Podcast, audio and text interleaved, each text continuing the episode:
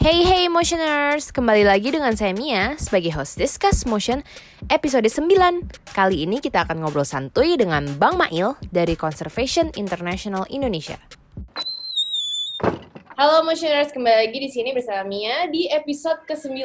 Cepat banget kan? Hari ini kita kedatangan seorang ahli, bukan lagi di darat nih guys. Kita udah pindah ke lautan. Kita menyelam sambil minum air dulu dikit bersama Bang Mail. Halo Motioners. Bang Mail, boleh nih kenalin diri dikit lah. Kira-kira kesehariannya ngapain aja? Monggo. Gue Ismail, uh, biasa orang-orang manggil gue Mail. Gue bekerja di bidang Elasmobrine Conservation. Jadi Elasmobrine itu adalah subfamili dari keluarga hiu dan pari-parian. Dan khususnya sekarang lagi sibuk-sibuk di daerah NTB, kita mendapatkan informasi bahwa di sana ada lokasi hiu paus baru di Indonesia. Wow gue sebenarnya tadi Mia bilang uh, ahli. Gue nggak ahli. Gue lebih suka dibilang whale shark whisperer atau whale shark guardian. Dan gue lulusan Universitas Islam Negeri Jakarta UIN Jakarta jurusan biologi. Wah tadi berarti jangan dipanggil ahli ya guys. Kita panggilnya apa namanya? Explorer. Whisperer. Oh whisperer. Berat sekali ini. Hmm. kok kayak penyair ya bang Iya, karena karena shark itu udah bukan bagian dari objek penelitian gue lagi sekarang, bagian dari hidup gue lah. Nah, ya aku mau langsung masuk nih bang ke pertanyaan pertama karena ya, ini ya. banyak banget yang DM, banyak banget yang nanya juga ke dari Instagram pribadi aku maupun Instagramnya Motion for Nature nih. Jadi hmm. pertanyaannya yang bikin mereka galau atau fakta yang membuat mereka galau adalah sebenarnya hiu paus itu atau yang disebut whale shark ini tuh masuknya kategori ikan hiu atau paus sih? Ternyata masih banyak yang belum tahu. Oke, okay, pertama hiu paus itu dia termasuk dari hiu yang tadi gue bilang dia dari hiu hiu itu mamalia atau ikan? Pasti pada bilang ikan dong, ya benar ikan gitu. Dia bukan mamalia. Cara bentuk tubuh, morfologi itu dia itu ikan. Bedanya ikan sama mamalia, ikan itu punya sirip yang uh, vertikal, sedangkan kalau yang paus atau mamalia lain, mamalia laut lain itu apa dia punya flipper, dia horizontal ekor belakangnya. Kemudian kalau ikan dia nggak bisa berkomunikasi seperti mamalia gitu. Nah, kenapa sebut hiu paus? Dia hiu yang bentuknya kayak paus. Dia hiu yang betul-betul memutus isu-isu bahwa hiu itu agresif. Hiu yang betul-betul slowly banget. Dia juga friendly banget seperti paus. Dan versi di dunia, kenapa namanya hiu paus? Dia hiu yang punya badan besar kayak paus, mungkin namanya hiu paus. Kalau teman-teman bermain di Indonesia khususnya di di beberapa daerah jarang ada yang bilang hiu paus mereka bilang hiu totol kalau tempat gue namanya pakai toro ada di Papua namanya Gurano Bintang. Nah, itu sih hiu paus itu hiu dia masuk ikan bukan mamalia. Dia bukan bagian dari paus bukan. Dia bukan juga saudara atau sepupu jauhnya paus juga bukan. Dia cuma sama-sama tinggal di laut itu doang dan minjem namanya doang. Jadi gitu ya guys, pokoknya jangan pada bingung lagi, jangan pada nyebarin hoax-hoax lagi kalau hiu paus itu bagian dari paus. Hiu paus dengan paus sendiri itu berbeda, bukan juga dalam satu kategori kelas. Jadi udah terluruskan ya guys. Nah begitu dong. Nah kemudian nih bang, apa aja sih fakta-fakta unik tentang perilaku atau behavior hiu paus yang motioners perlu ketahui? Kayaknya ini unik banget gitu, karena aku denger tadi hiu paus itu ternyata friendly, bukan yang gigit-gigit kayak di film-film Jaws gitu kan. Terus yep. tapi bentuknya kayak paus. Nah, tuh gue tertarik gitu. Jadi hiu paus ini dia badannya besar tapi dia yang yang uniknya adalah dia makan makanan kecil. Dia tuh makanannya itu plankton. Tahu plankton yang di SpongeBob, tapi plankton yang di SpongeBob itu terlalu besar ya. Plankton yang kita tahu itu tuh yang yang kasat mata yang cuma bisa lihat dari mikroskop. Atau kalau di tempat daerah gua juga mereka juga makan rebon, udang-udang kecil. Mereka juga makan ikan-ikan teri. Beda ya makanannya sama makanan hiu-hiu agresif. Mereka makan seal apa anjing laut, mereka makan paus bahkan dan hiu paus hmm. mereka the most mysterious and charismatic species in the world menurut hmm. gua pribadi bayangin aja penelitian dari tahun 1800-1900an sampai sekarang kita masih belum dapat banyak hal yang terdokumentasikan dengan baik itu tentang hiu paus bagaimana mereka kawin cara mereka kawin kita masih belum tahu kemudian sama siapa aja mereka kawin, kriterianya apa mereka kawin. Itu kan setiap hewan pasti ada kayak gitu kan. Ada ada kriteria masing-masing.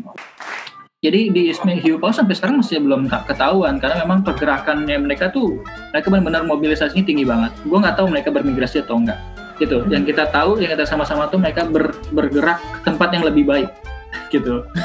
ya kalau kalau di di bahasa anak uinnya itu hijrah. Hijrah. Anak uinnya, ya bahasa anak uinnya hijrah. Ya kalau beberapa saintis bilang itu migrasi. Tapi kalau lihat dari yang sudah kita pasangin beberapa hal highlightsnya aja ya. Mereka mencari tempat itu berpindah itu sesuai dengan kesediaan makanannya pastinya. Jadi ada satu teluk di di NTB yang memang lagi gua kerjain di sana. Itu beberapa beberapa hiu paus kita punya 16 tagging kalau nggak salah di sana. 16 hiu paus yang sudah di tag dipasang alat satelit. Mungkin setengahnya udah keluar. Ada yang udah ke Australia, ada yang udah pergi ke Maldives kemudian balik lagi, Waduh. ada yang pergi ke Papua. Asik Nah, dan- ya dan- mereka jalan-jalan.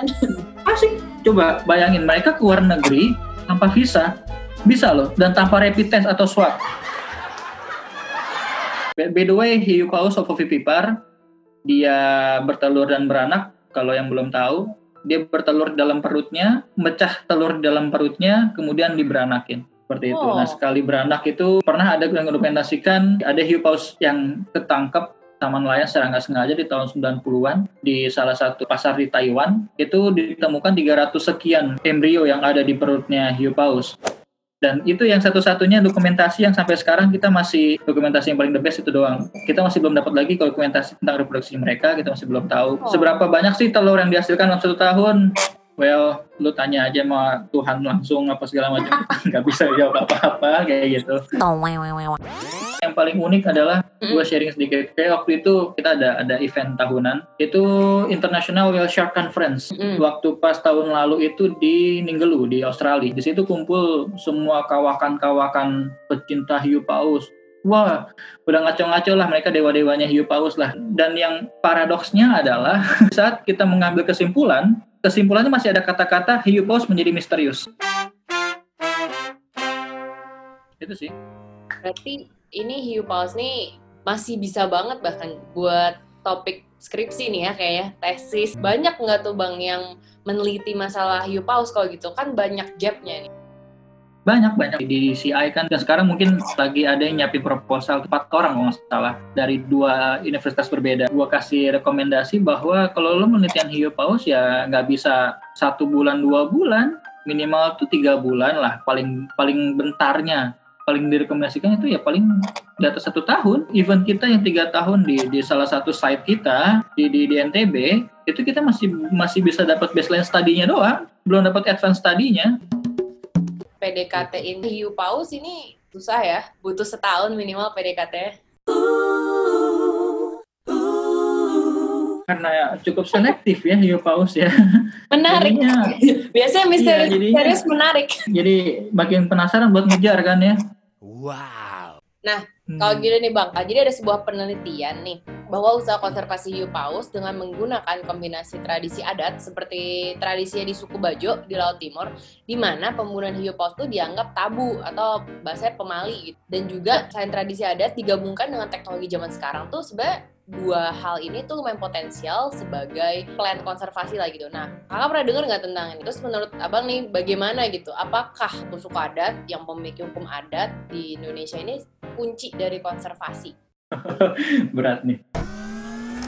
So di NTB, biarpun kata-katanya NTB, di pesisir itu banyak orang Bugis. Suku Bugis, Bajo atau Sulawesi yang lain-lain suku pesisir ini cukup strict sama beberapa hal, terutama yang namanya tabu atau pamali ini. Nggak cuma hiu paus doang, sebenarnya beberapa ikan juga mereka mereka juga nggak mau nangkap. Cuman kalau hiu paus, kalau hiu paus di di suku yang gua tahu di suku Bugis tempat gua bekerja, Hmm. mereka itu adalah sebagai induknya ikan, pembawa rezeki. Jadi Oh. karena suku pesisir itu kan nyari ikan kecil kan. Mm-mm. Kalau tempat gue tuh banyak kan bagan. Tahu bagan kan kapal-kapal gede yang ada jaringnya gede. Jadi hiu paus di, di Oh. Indonesia tuh muncul gara-gara bagan lah gitu intinya. Ah, Oke. Nelayan-nelayan itu nggak suka buat nyakitin hiu paus kayak gitu. Nggak mau mereka. Karena anggapannya itu induknya ikan. Di saat hiu paus datang ke bagannya mereka, otomatis sedikit lagi ada ikan-ikan kecil yang datang. Mereka menganggap pembawa rezeki, kalau kita bunuh dia ya rezekinya nggak ada. Nah, hukum adat itu ini nggak sih buat konservasi? gue selalu kalau gue pribadi berpendapat bahwa hukum adat itu di atas segalanya. Even hukum yang ada di Indonesia. Pernah dengar perburuan paus, bukan hiu paus, paus di Lamakera sampai sekarang masih ada kan? Hmm, Dilarang nggak? Kayaknya nggak ada. Betul, karena memang hukum adat gue pernah ke Lamakera dan memang yang di sana itu bilang kita itu pakai hukum adat bunuh ini, bukan pakai hukum Indonesia. Kalau secara nalar kami tahu hiu apa paus ini dilindungi, tapi kalau secara kita lihat adat kita, kita harus bunuh ini barang. Jadi apa namanya nggak nggak juga harus hukum adat itu bisa bisa mendekati konservasi itu enggak. ya kan, itu kan kontradiktif kan? Ada yang menganggap pamali menangkap hiu hiu paus, berburu hiu paus dan suku yang ada di Lamakera di Flores yang berburu paus. Jadi nggak menurut gua nggak selamanya hukum adat itu buat konservasi, tapi hukum adat bisa dijadikan satu platform yang terbaik untuk melakukan aksi konservasi.